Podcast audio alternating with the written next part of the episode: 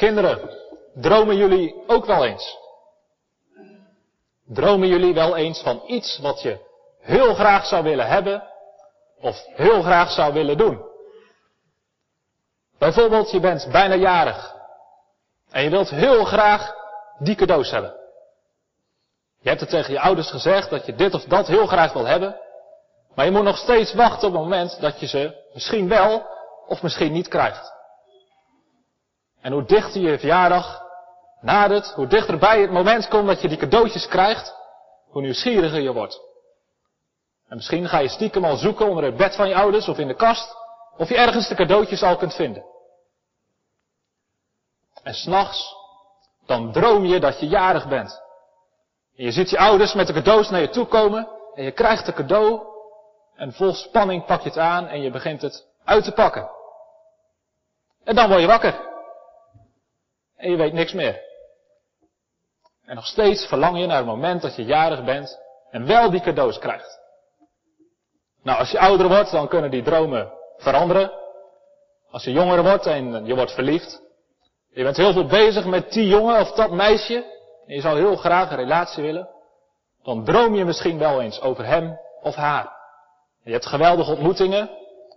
Of je loopt verschrikkelijke blauwtjes.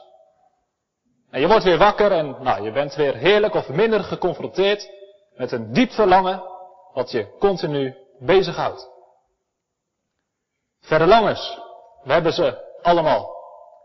De dingen waarna we verlangen en hoe sterk we naar verlangen kan verschillen. Maar ik denk dat iedereen vanmorgen weet wat het betekent om ergens naar te verlangen.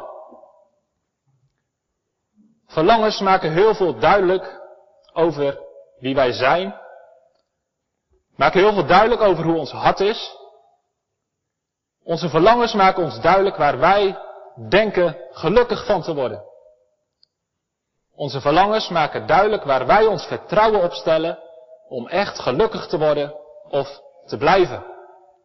En daarom is het belangrijk dat wij bewust zijn welke verlangens wij hebben.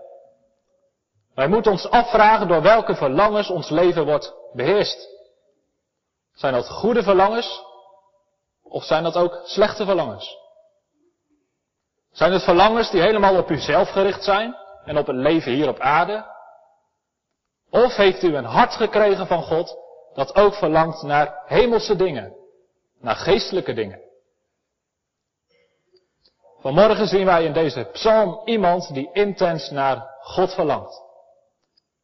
Iemand die in ontzettend moeilijke omstandigheden is en daarin het uitschreeuwt naar God. De psalm zelf zegt niet wie de auteur is. Sommige mensen zeggen dat het David is geweest. En als we het leven van David nagaan, dan kunnen we het goed voorstellen dat hij deze psalm heeft geschreven. Hoe vaak was hij wel niet op de vlucht voor vijanden? Hoeveel moeilijke omstandigheden heeft David wel niet doorstaan? En in hoeveel psalmen lezen we niet hoe David vlucht naar God? En niet zonder God wil leven. De psalm zelf zegt niks over wie de auteur is. Het zou ook goed iemand anders geweest kunnen zijn. En daarom spreek ik de rest van de preek over de psalmist. Wat wel duidelijk is, is dat deze psalm een belangrijke plaats heeft gekregen in de tempelliturgie. Immers, boven de psalm staat voor de koorleider, dat is een dirigent van een koor. In de tabernakel en later in de tempel was er een groot koor van levieten. En die levieten waren de zonen van Korach. En ik denk dat zij deze psalm heel vaak in de tempel hebben gezongen. Wat zal dat ontzettend mooi hebben geklonken. De psalmist die verlangt naar die tempel. De psalmist wil graag in die tempel zijn. Waarom? Nou, de psalmist weet dat hij daar God kan ontmoeten. God had immers gezegd dat hij in de tempel zou wonen. De psalmist wist dit.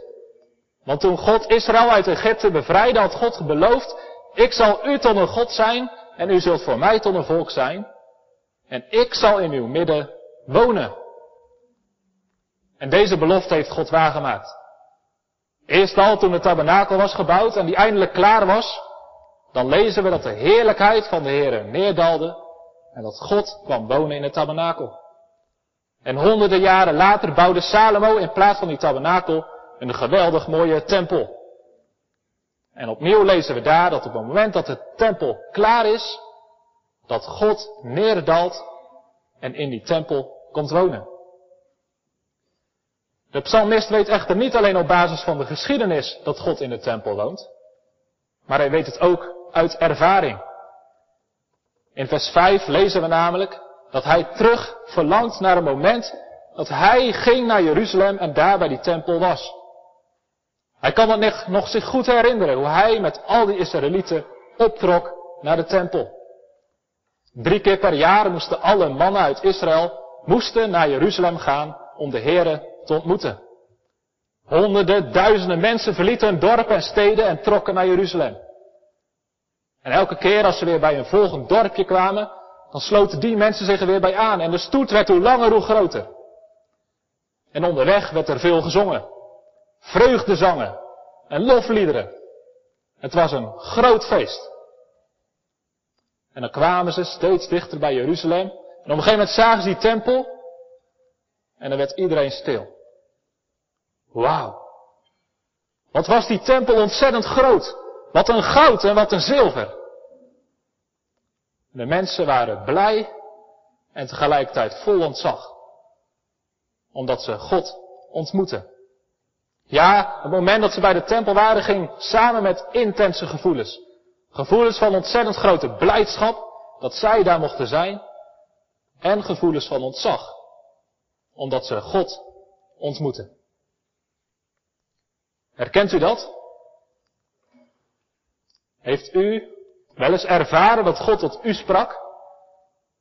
Of dat God heel dicht bij u was? Op dat moment dan vult uw hart zich ook met blijdschap. En dan bent u ook vol verwondering en vol ontzag. Dan voelt u zich klein. Omdat God zo ontzettend dichtbij is. Dit zijn momenten die we vast zouden willen houden. Dit zijn ervaringen die we nooit willen vergeten. En dit zijn ook dingen die we graag met anderen willen delen. Er is een lied dat zegt, wie kan zwijgen van Gods liefde? Of vergeten wat hij deed? Niemand toch? Die God heeft ontmoet. Nu is het heel moeilijk om aan anderen te vertellen wat je voelt. Ja, we kunnen omschrijven en zeggen dat we blij zijn. Maar het is heel moeilijk, eigenlijk onmogelijk, om de ander ook te laten voelen wat jij voelt. We kunnen tegen de ander zeggen dat we blij zijn, maar wil die andere dat echt begrijpen, dan zal hij eigenlijk zelf dat gevoel van blijdschap ook moeten hebben. Vanmorgen is het belangrijk dat wij begrijpen wat deze psalmist voelt als hij het heeft over zijn verlangen naar God. Het is belangrijk dat wij ons iets voor kunnen stellen bij dat verlangen. En daarom begon ik met enkele voorbeelden die ons kunnen denken, herinneren aan andere verlangens die wij hebben. De psalmist wil het ons ook duidelijk maken. Hij doet dat iets anders. Hij gebruikt in vers 2 een voorbeeld. Een voorbeeld van een het dat schreeuwt naar waterstromen. Nou, ik kom uit Elspet. We hebben prachtige bossen vol met herten. En ik heb veel herten gezien. Maar ik heb nog nooit een hert zien schreeuwen naar water. Dat is een kleine periode in het najaar, dan schreeuwen ze heel hard, maar dat is alleen maar voor vrouwtjes. Ze schreeuwen niet voor water. Hoe komt dat? Nou, omdat onze bossen genoeg water hebben. De herten, die kunnen genoeg water vinden. In Israël is dat heel anders. In Israël zijn er hele dorre en droge gebieden. En zeker in de zomer, dan regent het nauwelijks. En dan kan het heel goed zijn dat er herten in zo'n droog gebied heel lang op zoek moeten om ergens een beetje water te vinden. Om een dorst te lessen. Dus het is een goed beeld wat hij gebruikt. En we kunnen ons daarom een beetje voorstellen hoe het moet zijn voor zo'n hert dat snakt naar water. En zo verlangt hij naar God.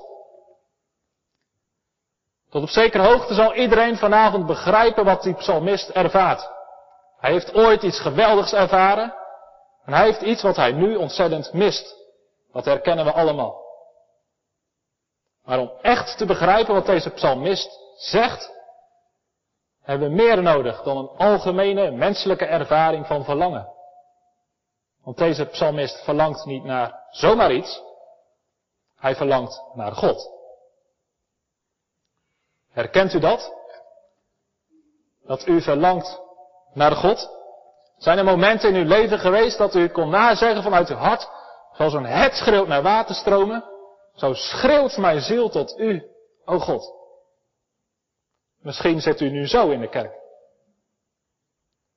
Wat is dat mooi? Als u van harte kunt zeggen dat u naar God verlangt. Dat betekent dat u God heeft leren kennen. Dat betekent dat u iets heeft gezien van hoe goed en hoe heerlijk God is. Dat u heeft ontdekt dat God alleen uw hart kan vervullen. Dat Hij de enige is die ten diepste u het ware geluk kan geven. U heeft een verlangen gekregen om het woord te lezen. Omdat daarin u leert wie God is. En Hij daardoor tot u spreekt. U luistert graag naar het evangelie omdat u daarin de liefde van God ontdekt. U bidt graag omdat dat de momenten zijn waarop u contact met God heeft. Wat mooi is het als u verlangt naar God. Dat laat zien dat de Heilige Geest uw stenen hart heeft weggenomen en uw vlees hart heeft gegeven. Nu zijn er echter twee manieren waarop we kunnen verlangen. Er is een verlangen voor blijdschap en er is een verlangen voor verdriet. Het kan zijn dat uw leven uiterlijk prima gaat en dat u ook dicht bij de Heer leeft. U mag ervaren dat de Heer goed voor u is. En hoe dichter we bij de Heer leven, en hoe meer we van Hem zien, hoe meer we naar Hem gaan verlangen. Hoe meer we God willen kennen. Er is een vervulling van het verlangen, wat tegelijk het verlangen ook weer aanwakkert. Om deze God meer en beter te leren kennen. Er zijn momenten dat we kunnen zeggen, weg wereld, weg schatten. Gij kunt niet bevatten hoe rijk dat ik ben. Ik heb alles verloren, maar Jezus verkoren. Een verlangen dat gepaard gaat met blijdschap. Maar het kan ook anders dat we verlangen vanuit een diep verdriet. Niet vanuit het besef dat God dichtbij is. Niet vanuit het besef dat de dingen goed gaan in ons leven. Maar het tegenovergestelde. We kunnen verlangen naar God omdat het slecht gaat in ons leven. En omdat God zo ontzettend ver weg lijkt. En dat is het verlangen wat deze psalmist heeft. Hij heeft een verlangen vanuit het verdriet.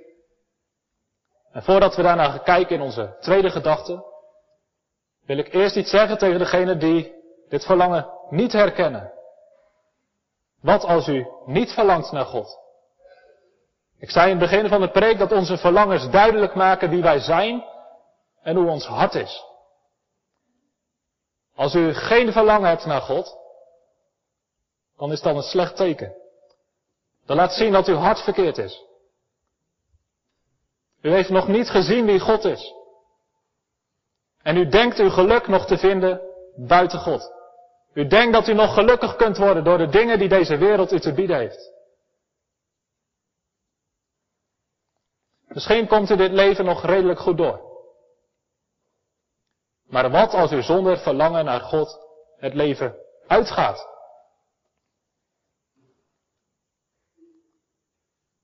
Wat is het einde van u? Als u nu nooit heeft leren te verlangen naar deze God. We weten wat het tragische einde is. Degenen die nu wensen zonder God te leven, die nu denken dat ze God niet nodig hebben en zonder God door het leven gaan, die zullen straks voor eeuwig zonder God door het leven moeten gaan. Dan zult u ook verlangen naar God. Alleen niet vanuit de liefde. Vanuit een bittere haat. Wee u. Als u niet verlangt naar God. En misschien zegt u, dat klopt. En zo is mijn hart. Maar hoe kan ik dat veranderen? Wat kan ik eraan doen dat ik gewoon niet naar God verlang? Ik kan mijn eigen verlangens toch niet veranderen? Dat klopt. Niemand van ons kan zijn eigen verlangens zomaar omzetten. Niemand kan zichzelf verlangens geven naar God. Het is nodig dat iemand anders uw hart verandert. Dat iemand anders uw slechte verlangens wegneemt en uw goede verlangens geeft. En degene die dat kan, is God zelf.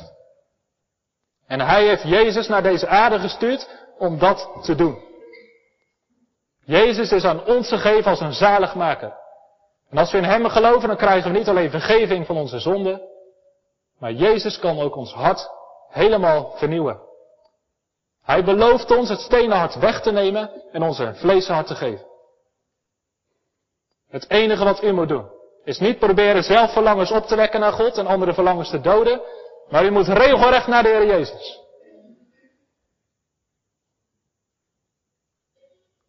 En als u tot Hem komt, dan zal Hij u redden. Dan zal Hij uw verlangens veranderen. En u een diep, waarachtig verlangen naar de levende God geven. De psalmist uit zijn verlangen naar God. En zoals ik net al zei, er zijn twee manieren om naar God te verlangen. Vanuit blijdschap of vanuit verdriet. En deze psalmist die zit in een situatie waarin hij het moeilijk heeft. En hij heeft een verlangen naar God vanuit het verdriet. En dat is onze tweede gedachte. Het uiten van verdriet. Er zijn veel verschillende dingen waar wij verdrietig over kunnen zijn. Hoeveel dingen kunnen wij niet kwijtraken? Hoeveel dingen zijn er niet die wij moeten missen en die ons veel verdriet geven? We kunnen kostbare vriendschappen, financiële zekerheid, onze gezondheid of dierbare personen moeten missen. En hoe ouder we worden, hoe vaker zulke dingen ons overkomen. Er is een spreekwoord dat zegt, hoge bomen vangen veel wind. En misschien is het ook wel zo dat oude bomen veel wind vangen. Er zitten hier oude mensen die veel hebben moeten lijden. En misschien nu met veel verdriet in de kerk zitten. Ik hoop dat deze psalm u een troost geeft. Dat deze psalm u de weg wijst. Dat deze psalm daadwerkelijk, wat er ook boven staat, een onderwijzing is. Die u bemoedigt. Als we jong zijn, misschien de kinderen, dan kun je weinig voorstellen bij het grote verdriet wat je kan overkomen. Misschien mag je vol blijdschap en zonder zorgen door het leven gaan. En dat is iets om geweldig dankbaar voor te zijn. Wees blij dat je als kind of als jongere weinig zorg hebt. Dat je weinig verdriet hebt. Er staan een tekst in de Bijbel, verblijd u, o jongeling. Verblijd ze jongeren in de dag van je jeugd. Maar weet ook dat er een andere dag komt. Er zullen momenten komen in het leven dat ook jij zult moeten lijden. Dat ook jij verdriet zult krijgen. En daarom is het belangrijk dat je nu al goed luistert naar deze psalm. Dat je nu al leert te vertrouwen op God en je leven met Hem deelt. Zodat als die moeilijke perioden komen, dat je weet wie God is. En dat je met je verdriet naar Hem toe kunt gaan. En misschien zegt iemand, ja, maar ik ben ook een jongere en ik heb juist al heel veel zorgen. En ik zie het leven eigenlijk helemaal niet zitten. Er zijn veel jongeren die echt serieus worstelen. Ik hoop dat in het bijzonder ook voor jullie deze psalm mag aanspreken. En dat je mag weten, er is een leven mogelijk, zelfs in het diepste verdriet. Met God. Dat Hij de kracht geeft om er doorheen te komen. En dat Hij uiteindelijk ook degene is die een einde zal maken aan het verdriet. Wij kunnen als mensen heel verschillend omgaan met verdriet. Maar verdriet blijft verdriet. Het is heel belangrijk dat we vergeten dat het niet erg is om verdriet te hebben of verdriet te uiten. Het uiten van verdriet is geen teken van zwakte of van falen. Maar verdriet is een bewijs van echte liefde. Als we echt leven, dan hebben we dingen of personen echt lief. En als we die dingen moeten missen, dan hebben we echt verdriet. Het is gezond om te rouwen. En het is heel normaal als we ons verdriet uiten. Maar op het moment dat je verdrietig bent, ben je heel erg kwetsbaar. Op het moment dat je heel veel verdriet hebt, is je hart week. En kan makkelijk vertrapt worden. Daarom moeten wij mensen met verdriet heel voorzichtig behandelen. Niets is er gemener of erger dan dat we iemand die verdriet heeft, verkeerd behandelen. En dat we gemene dingen tegen zo'n persoon zeggen. Wat kunnen we juist als iemand verdriet heeft elkaar intens pijn doen. En dat is precies wat deze psalmist ervaart. Zijn verdriet wordt nog groter gemaakt doordat anderen verkeerde dingen tegen hem zeggen. Hij verlangt naar de tempel. Hij verlangt naar God. En tegelijkertijd lijkt voor hem God zo ontzettend ver weg. En dan lezen we in vers 4 en 11 dat zijn verdriet nog een andere oorzaak heeft. Want er zijn er mensen, er zijn er vijanden en die spotten met hem. En die confronteren hem met zijn verdriet. En ze lachen en ze zeggen, haha, waar is uw God? En deze woorden die hakken erin. Als vlijmscherpe dolksteken. Staan in vers 11. In vers 8 lezen we dat de ellende hem overspoelt zoals een rivier. Zoals de golven van de zeeën kunnen overspoelen. En hij heeft het gevoel dat hij elk moment kan verdrinken. En waar is nu zijn God? Dit kan zo gaan in het leven van de gelovige. Misschien toen u net tot geloof kwam, toen u heel goed ervaren wie God was en hoe geweldig het was om met hem en voor hem te leven. Dat u met iedereen deelde. En u zei tegen iedereen hoe geweldig is het om met God te leven. Hoe diep ongelukkig ben je als je zonder God door het leven moet. U heeft rijk getuigd van de goedheid van de Heer. Maar voor een ongelovige is dat verschrikkelijk. Een ongelovige wordt daarmee geconfronteerd met zijn eigen boosheid en met het feit dat hij een leven leidt wat niet klopt. Uw getuigenis dat God goed is, roept bij hem een enorme haat op. En de ongelovige gaat uw leven in de gaten houden. Hij zoekt een kans om gelijk te krijgen dat het leven met God helemaal niet beter is. En dat het zelfs beter is om zonder God door het leven te gaan. En dan komt een moment dat u tegenslag krijgt als gelovige. U verliest uw baan. U krijgt een erge ziekte. Of welke moeilijkheid u ook overkomt. En u komt in een diepe dal. En u begrijpt er niks van. Waar is nu God? En u worstelt met de diepste vragen. En de pijn is van uw gezicht af te lezen. En dat ziet de ongelovige. Haha, dit is zijn kans. Nu heeft hij bewijs dat het uiteindelijk het helemaal niet zo is dat het leven met God beter is. Integendeel, kijk nou naar die gelovigen. Waar is nu zijn God? Dit is zijn moment om gelijk te krijgen dat hij net zo goed zonder God door het leven kan. En dat zal hij, die gelovige, maar even goed duidelijk maken. En hij zegt, waar is nu die God van jou? Je zei pas nog toch dat het zo goed was om met God door het leven te gaan. Waar is hij nou jou? Waar is hij nu dan? In je moeilijkheid. Waarom helpt hij jou niet? En dat zijn woorden die intens raken. En dat maakt de psalmist mee.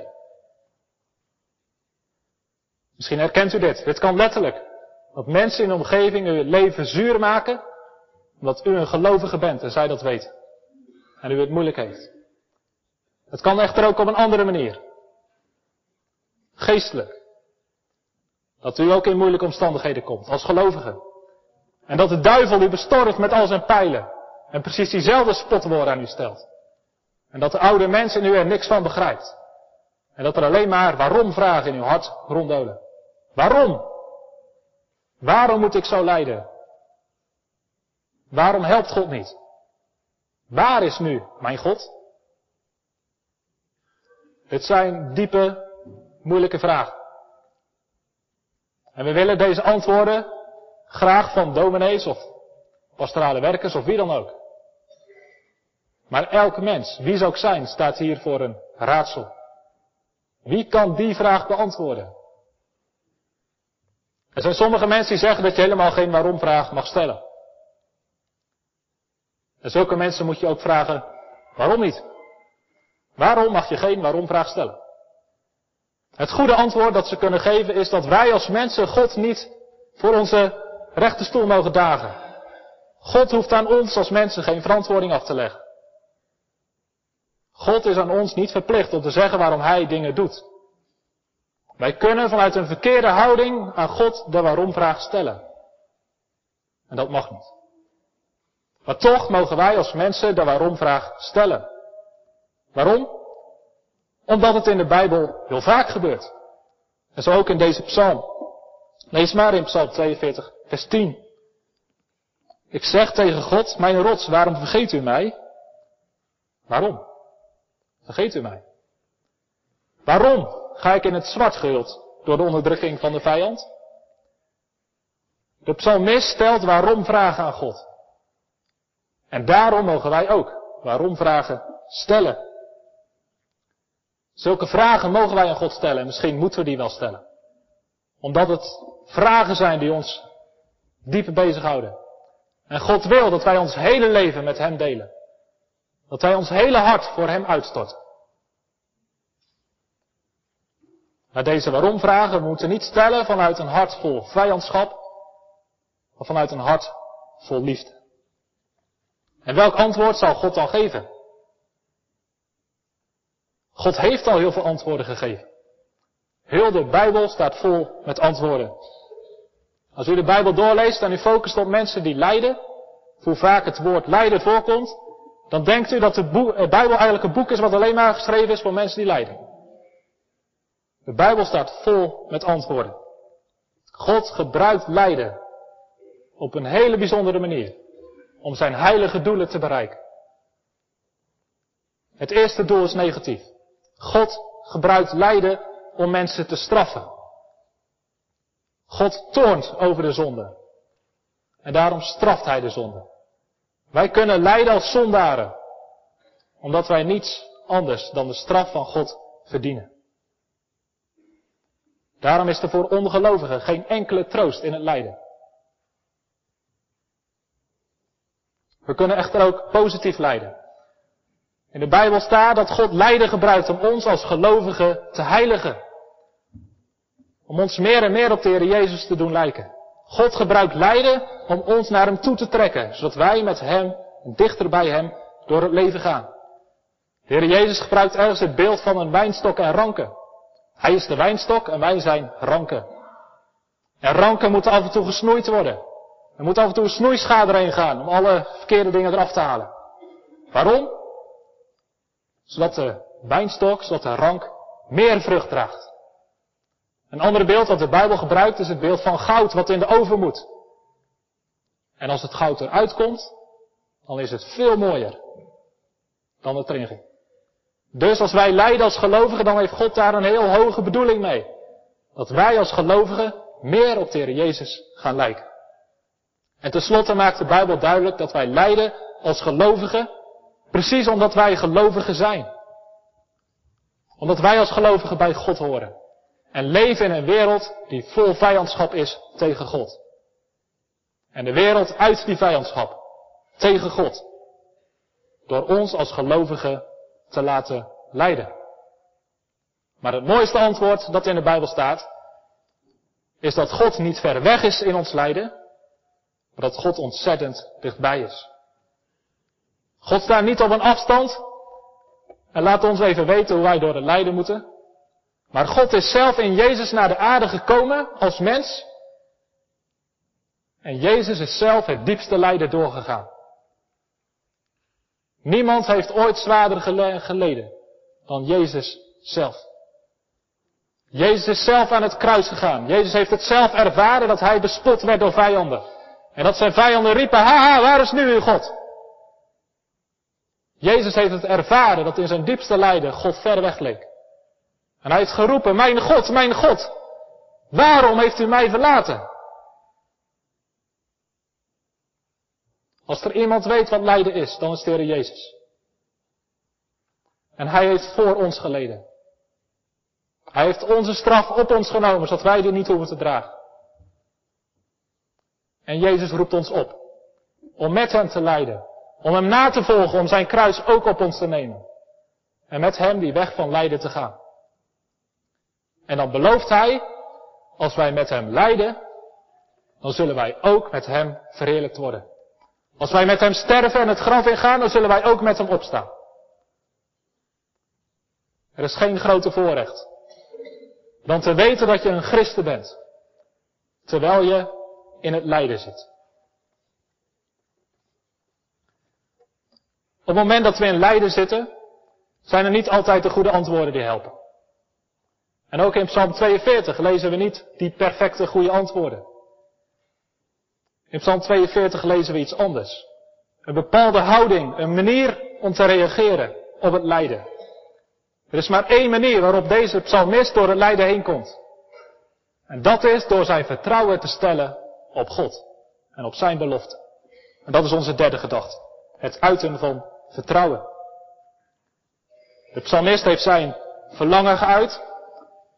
De psalmist heeft zijn verdriet geuit. Hij heeft tegen God gezegd dat hij ontzettend sterk naar hem verlangt. En hij heeft aan God gevraagd, waarom vergeet u mij? We kunnen ons voorstellen dat deze psalmist die stopt. En wegzinkt in een kuil van moedeloosheid en wanhoop. Dat hij op dit punt zijn schouders laat hangen. En de donkere tunnel wordt ingezogen. Maar dat gebeurt niet. Want in vers 6 lezen we dat de psalmist zichzelf gaat aanspreken. Wat buigt u zich neer, mijn ziel? Wat bent u onrustig in mij? Hoop op God. Van deze psalm kunnen wij veel leren. Allereerst dat wij onze verlangens bij God mogen brengen. Dat wij naar God te mogen uiten dat wij naar Hem verlangen en dat we missen. We mogen naar God ons verdriet uiten. We mogen aan God zelfs eerbiedig de waarom-vraag stellen. We moeten dit ook doen. We moeten al onze zorgen bij God brengen. En al onze begeerten aan Hem bekendmaken. Maar als we dit gedaan hebben, dan wordt het tijd om onszelf aan te spreken. En onszelf te wijzen op God. Als mensen willen wij graag dingen ervaren. Hoe belangrijker dingen zijn, hoe meer er op het spel staat en we zekerheid willen hebben, hoe belangrijk het voor ons wordt om dingen te ervaren. Om die zekerheid te hebben. Ik zal een voorbeeld noemen uit het dagelijks leven. Stel je voor dat u een groot feest wilt houden. En op dat feest moet er natuurlijk ook lekker eten zijn. Maar u bent pas op een feest geweest en dan was het eten, nou, eigenlijk gewoon een verpester van het feest. En u zou het verschrikkelijk vinden als u zulk eten aan uw feestgangers moet voorzetten. Wat gaat u doen? Nou, u gaat allereerst een beetje op internet zoeken van, nou, wat zijn de mogelijkheden, wat zijn de cateraars. En op een gegeven moment ontdekt u een cateraar en u hoort van anderen dat hij redelijk goed bekend staat. En u denkt van, nou, misschien is dat het. Maar u wilt echt zekerheid hebben. U belt die cateraar en u vraagt, mag ik een keer komen proeven? En dat mag. En als u dat eten geproefd heeft, dan weet u zeker dat het eten goed is. Wij willen zekerheid hebben uit dingen. En hoe meer er op het spel staat, hoe belangrijker het wordt dat we dingen ervaren. Dat geldt zo voor ons dagelijks leven, maar zeker ook voor het geestelijke leven. Want juist geestelijk staat er alles op het spel. Als God voor ons is, dan hebben we niets meer te vrezen. Dan hebben we een eeuwige toekomst, een eeuwige heerlijkheid voor ons. Maar als God tegen ons is, dan hebben we het grootste probleem wat mogelijk is. Dan moeten we voor eeuwig zonder God in de buitenste duisternis verder. We moeten daarom zeker weten dat God voor ons is. Dat God met ons is. En hoe krijgen wij die zekerheid? Vaak willen wij die zekerheid halen uit onze ervaring. Als we van anderen horen dat ze hele geestelijke ervaring hebben, allemaal dingen hebben meegemaakt die bijzonder zijn, als we horen dat hun leven voorspoedig gaat, en vervolgens kijken naar ons eigen leven en dingen zitten tegen, dingen gaan moeilijk en nou, heel die ervaring hebben we niet, dan ligt het heel erg voor de hand om de conclusie te trekken dat God tegen u is. Maar u moet weer teruggaan naar de Bijbel. Als we de Bijbel doorlezen en het leven bestuderen van al die gelovigen en de heiligen, dan komen we erachter dat deze gelovigen heel vaak in moeilijke omstandigheden waren. En dat zij heel vaak het gevoel hadden dat God zo ontzettend ver weg was. En toch, deze gelovigen en deze heiligen trokken niet de conclusie dat God tegen hen was. Waarom niet? Deze gelovigen die hebben een andere bron van zekerheid. De gelovigen en heiligen in de Bijbel die stellen hun vertrouwen op God. En op de belofte die Hij geeft. En dat is het geheim van het christelijke leven.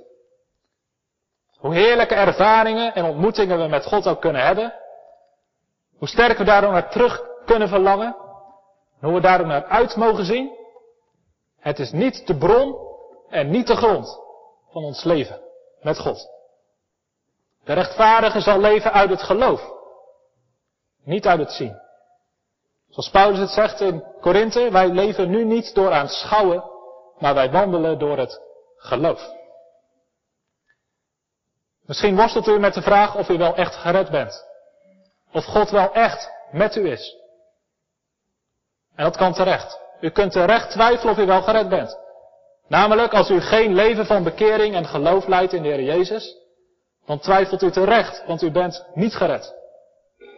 En u moet die twijfel nooit wegdrukken.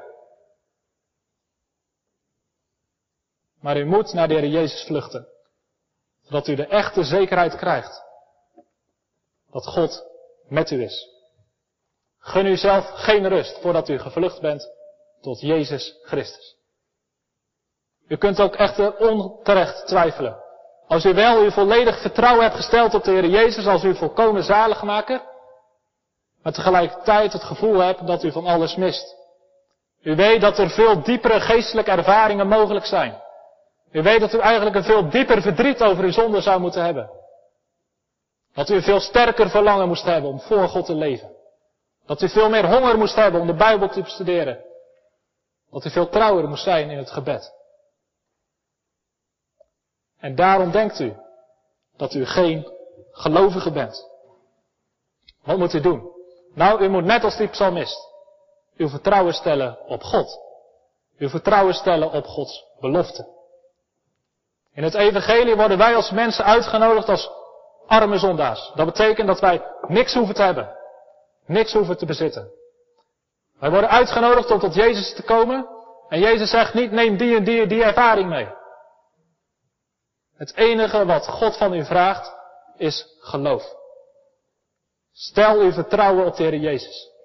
En op het feit dat Hij uw zaligmaker wil zijn. En laat de ervaringen los. Het woord zegt, wie in Hem gelooft, die heeft het eeuwige leven. Misschien wordt het niet direct bevestigd door uw ervaringen.